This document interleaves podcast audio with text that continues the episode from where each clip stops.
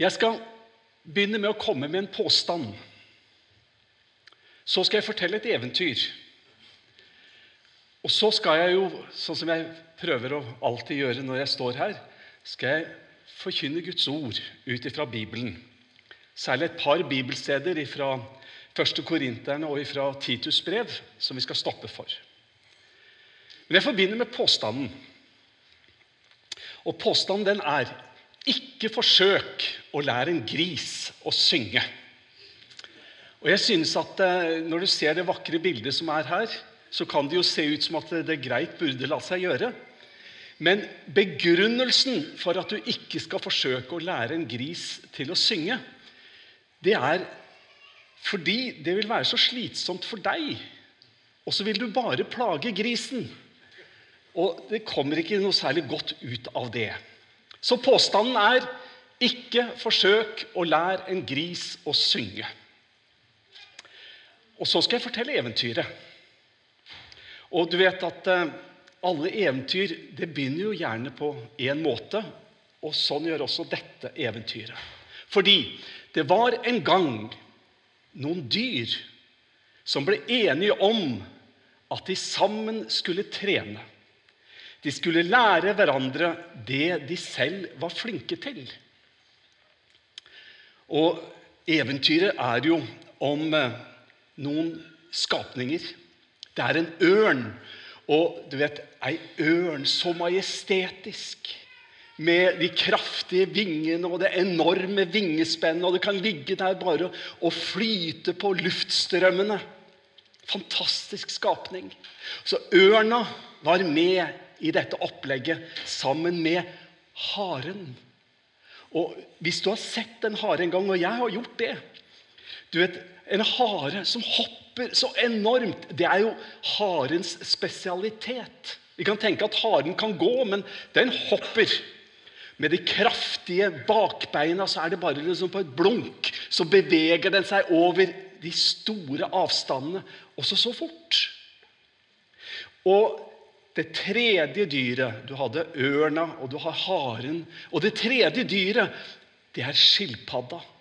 Og disse tre de ble enige om vi skal lære hverandre det vi er gode på. Og du vet, det er skilpadde. Når du slipper den ute i vann, og den tar noen, noen bevegelser med føttene sine ikke sant? Det er bare, altså Den er jo så grasiøs.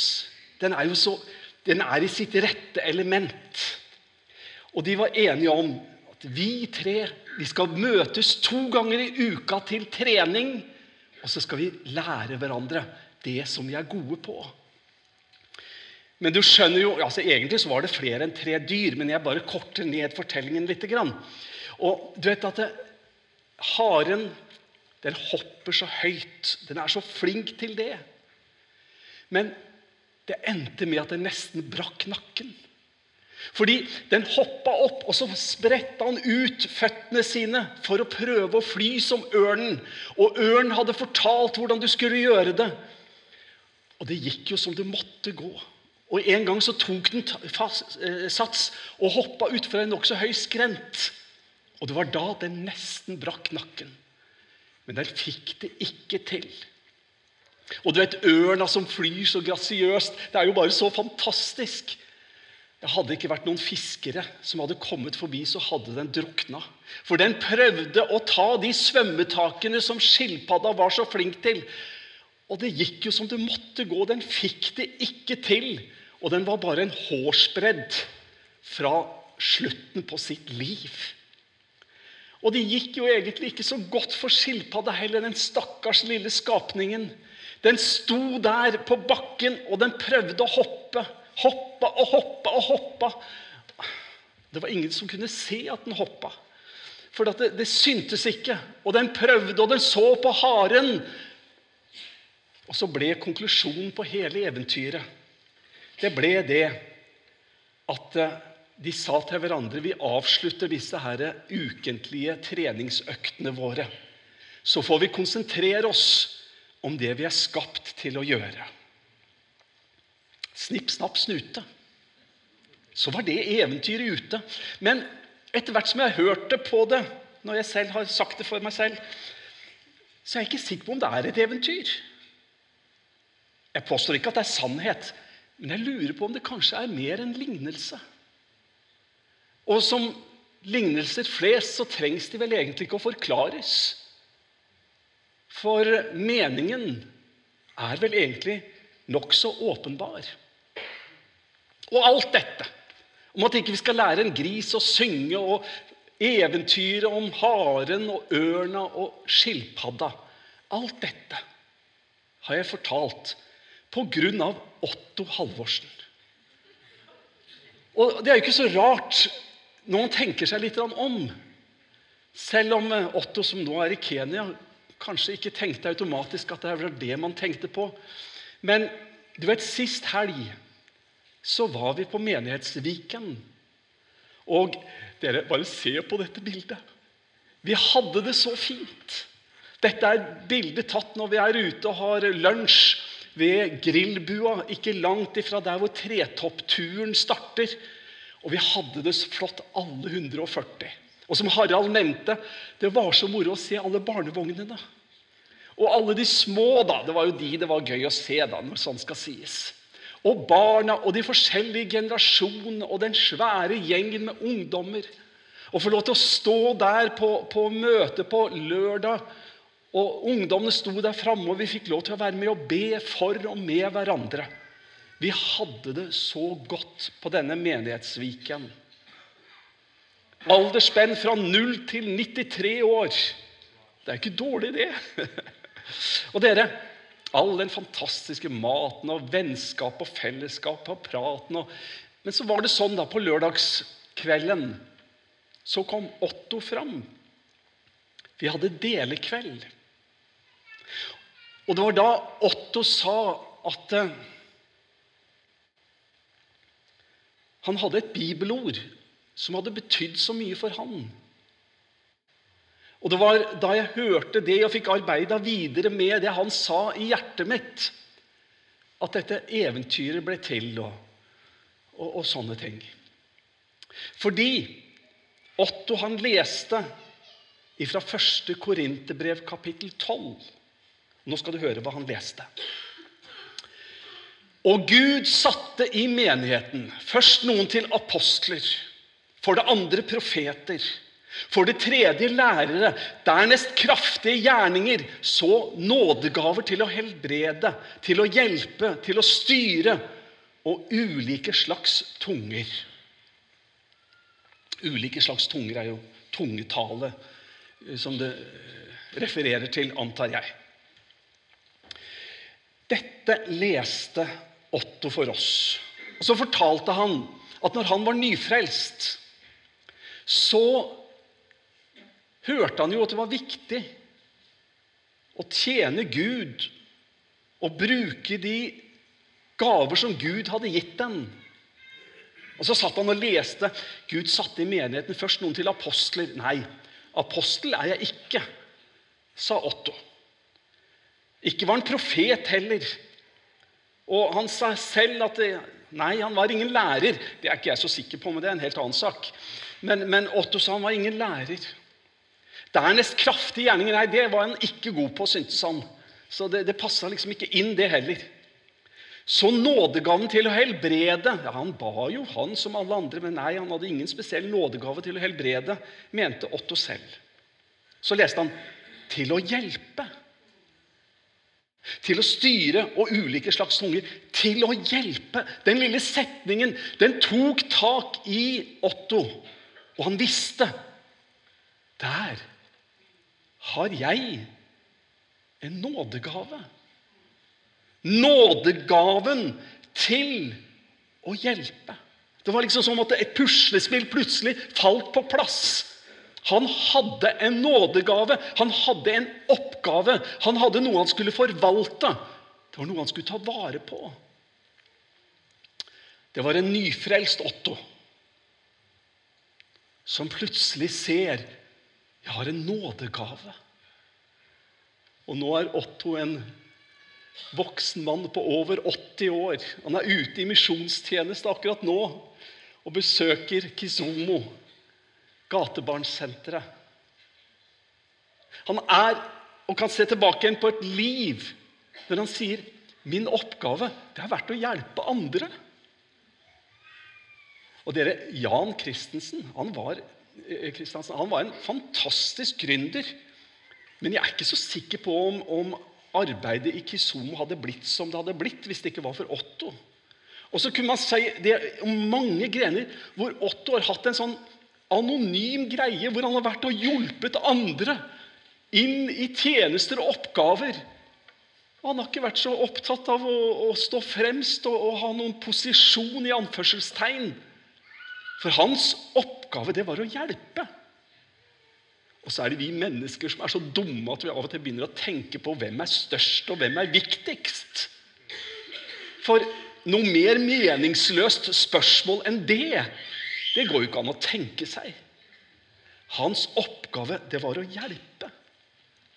Det greske ordet som er oversatt med 'å hjelpe', det er et interessant ord. Antil empseis, eller noe i den retningen skal det uttales. Og Det er et vanskelig ord å oversette. Og En av grunnene til at det er et vanskelig ord å oversette, det er det er bare blitt benytta én eneste gang i hele Det nye testamentet. Det er her i 1. Korinterbrev kapittel 12 og vers 28. Der er det ordet benytta. I forskjellige engelske oversettelser så blir det oversatt med, med, med, med å assistere eller assistanse. Og en plass så står det 'kjærlighetsgjerning' som en oversettelse av det ordet. Ehm, her i teksten så er ordet faktisk et substantiv. Og det er det som aldri er brukt noen annen plass i Det nye testamentet. Men ordet har en parallell til et verb. Og det verbet det er brukt tre plasser i Det nye testamentet. Og Det illustrerer jo for oss, når vi ser litt på hvordan det er brukt der, så er det med på kanskje å kaste litt lys over hva ordet betyr, og hva det vil fortelle oss i dag. Det er i Lukas evangelium, i Apostlenes gjerninger og i 1. Timoteus brev. De tre plassene så brukes verbversjonen av det ordet. Og i Lukas evangelium så står det Han tok seg av Israel sin tjener og husket på sin miskunn. Det er henta fra Marias lovsang. Maria har fått englebesøk og fått beskjed om at hun er utvalgt til å føde Messias. Og Nå har hun vært på besøk hos Elisabeth. Og Elisabeth forteller Maria 'Jeg er med barn'. Og det er døperen Johannes som Elisabeth bærer i sin mage. Og, og, og da, da, bryter Maria ut i lovsang og tilbedelse og lovprisning. Og hun sier, 'Han tok seg av Israel sin tjener'. Ordet 'tok seg av Israel'. For øvrig, akkurat det samme greske ordet er brukt i Det gamle testamentet, i Septuaginta-oversettelsen fra eh, eh Jesajas 41 kapittel 41 og vers 9. Og det er akkurat det samme uttrykket. Tok seg av. I Apostlenes gjerninger kapittel 20 der er det Paulus som holder sin avskjedstale. Og Det er noen av de mest gripende versene, et av de mest gripende kapitler i hele Bibelen, synes jeg. Når, når Paulus samler de eldste i Efesus, og han tar avskjed med dem, og han vet at vi skal aldri sees igjen. Og Der står det i Apostelens gjerning kapittel 20, når Paulus sier Alltid har jeg holdt fram for dere at vi må arbeide på denne måten og ta oss av de svake. Husk de ordene Herren Jesus selv sa. Det er saligere å gi enn å få. Ta deg av de svake. Ikke bare de fattige, men de svake. De som kanskje er litt sånn Ja, hva skal vi si, da? De får det ikke helt til. De passer kanskje ikke helt inn i en kristen sammenheng engang, fordi de har så mange tilbøyeligheter og de har kanskje så mange brister i sin karakter. Det er så mange ting de sliter med i sin hverdag. Og Så skriver Paulus alt det har jeg holdt fram for dere, at vi må arbeide på denne måten og ta oss av de svake. Tredje og siste plassen hvor verbversjonen av dette med nådegaven til å hjelpe blir brukt. Det er i 1. Timoteus kapittel 6. Og så må jeg legge til at det er et forferdelig vanskelig vers. For eh, vi blir satt inn i en kultur, romersk kultur, 2000 år gammel. Og eh, det, det, det tar opp Paulus skriver om slaveri og den type ting. Så det er et vanskelig vers, men dette er en av de tre plassene hvor denne versjonen brukes. Det står sånn som dette. Og de slaver som har troende herrer, skal ikke vise dem mindre aktelse fordi de er søsken. Nei, de skal tjene dem desto ivrigere, nettopp fordi de som tar imot tjenestene deres, er troende og elskende søsken. Slik skal du undervise og formane. Jeg tror ikke at Bibelen verken oppfordrer eller forsvarer slaveri. Og Jeg skal ikke bruke tid på dette, men bare likevel si at for Paulus sin del så var det ikke en politisk kamp mot slaveri som sto på agendaen. Den ville helt sikkert ikke ha ført fram heller med politiske midler. Paulus ser, og han vet og forstår at det må en radikal forandring med hele samfunnsstruktur og systemer, en forandring som bare de kristne verdiene vil kunne føre fram. Og Derfor er ikke det hans målsetning nå å gå til oppgjør på en politisk arena. For han så var oppgaven å fremelske de verdier som på sikt ville forandre og totalt forvandle et samfunn. Men la nå den problematikken være. Den kan man stoppe for i en annen sammenheng. Men de skal tjene dem. Altså, Å hjelpe mennesker er å tjene. Vi skal tjene hverandre. Når det gjelder dette bibelordet om nådegaven til å hjelpe En bibeloversettelse har oversatte med nådegaven til å strekke ut en hjelpende hånd. Nådegaven til å hjelpe. Å strekke ut en hjelpende hånd. Du, å hjelpe Det er ikke bare en tjeneste. Det er ikke bare å tjene noen. Det er ikke bare å ta seg av de svake. Men du, det er en nådegave. Og det er en gudstjeneste. Jeg er helt overbevist om at når vi tjener hverandre, så er det ikke bare at vi tjener hverandre. Man har gudstjeneste. Det var Jesus selv som sa alt det dere har gjort imot en av mine minste. Det har dere gjort imot meg. Men en ting til. Når vi har dette bibelverset fra 1. Korinterbrev kapittel 12 og vers 28 La oss prøve å tenke oss inn i sammenhengen en gang til. Bare se her på bibelverset en gang til. Gud satte i menigheten først noen til apostler, for det andre profeter, for det tredje lærere, dernest kraftige gjerninger, så nådegaver til å helbrede, til å hjelpe, til å styre og ulike slags tunger.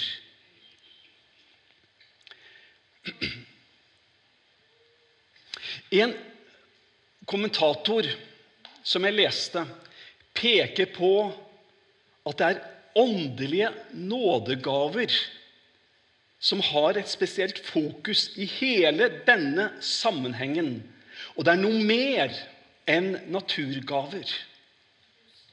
Jeg tok utgangspunkt i Otto sitt vitnesbyrd, og han har jo naturgaver når det gjelder økonomi og administrasjon og ledelse og alt dette, som jo også er åndelige gaver. Men han har jo naturgaver.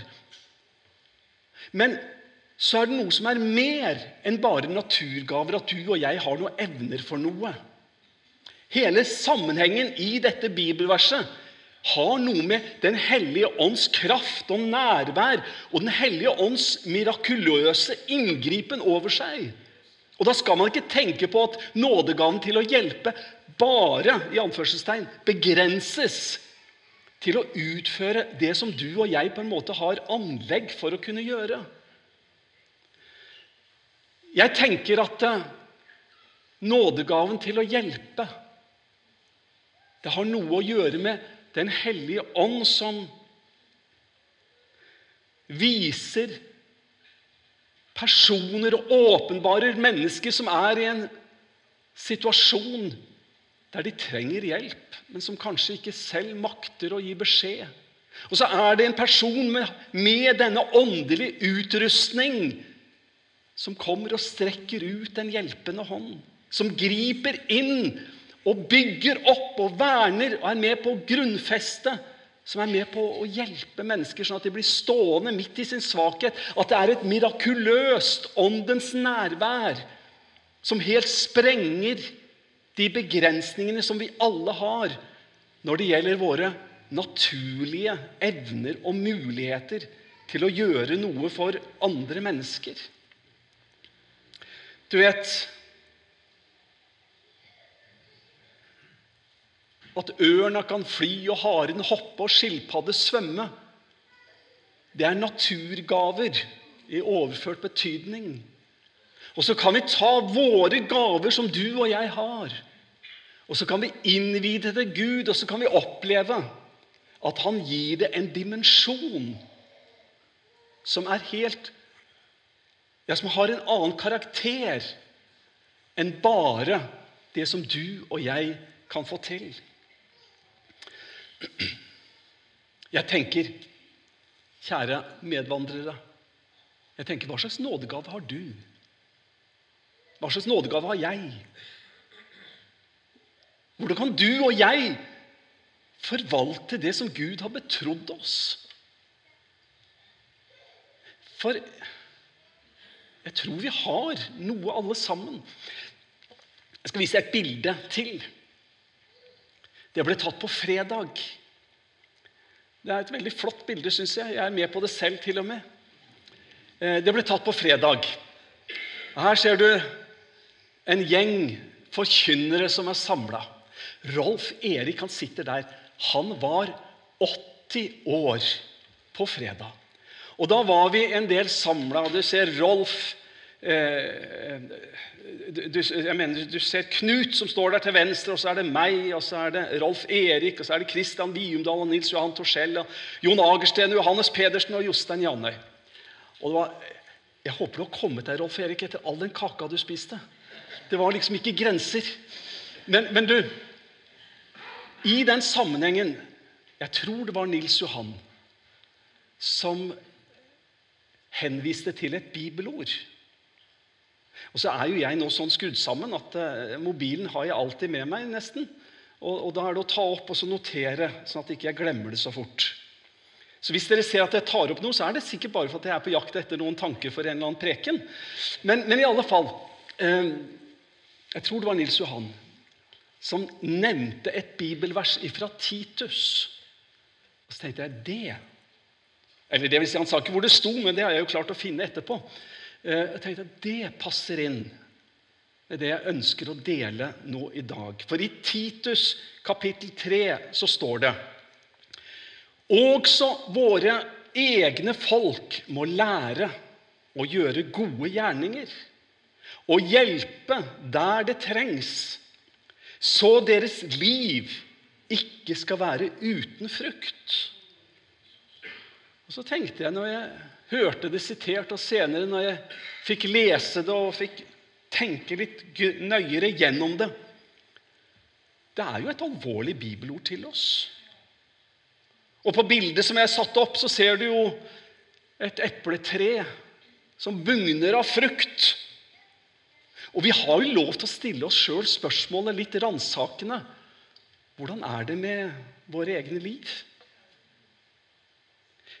Paulus han sier også våre egne folk må lære å gjøre gode gjerninger. Gjerninger det er altså å hjelpe der det trengs. Og dette settes i direkte kontekst eller sammenheng med det å bære frukt i våre liv. Da tenker jeg vi har et ansvar. Nå, nå er det jo sagt negativt her. Så deres liv ikke skal være uten frukt. På samme måte som i 2. Peter kapittel 1, hvor noe av det samme uttrykket brukes. Det er en positiv, oppmuntrende, bærende kraft i det budskapet. Det er ikke for å slå oss ned, slik at vi ikke skal, altså, at vi ikke skal være uten frukt. Det er en oppmuntring til å bære frukt. Det er sagt egentlig med et positivt fortegn. Forvalter vi på en riktig måte? Og du Jeg tror det er en sammenblanding mellom åndens gaver og naturgaver og villighet som ikke skal prøve å atskilles. Det er en blanding.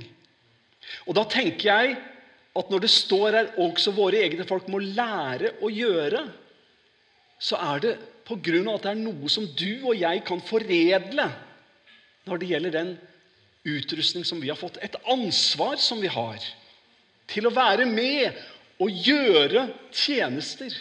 Noen har tjenesten i å hjelpe. Andre har andre tjenester. Men vi er alle kalt til å tjene. Og I den sammenheng skal du få et bibelord helt på slutt, som en liten bonus. Og Det er Peter som skriver i 1. Peter, kapittel 4 og vers 10. Du må ta med deg dette helt på slutten. Tjen hverandre, hver og en.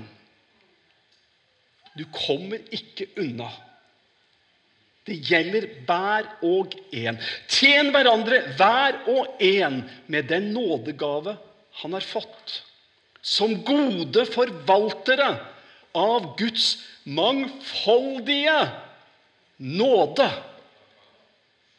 Amen.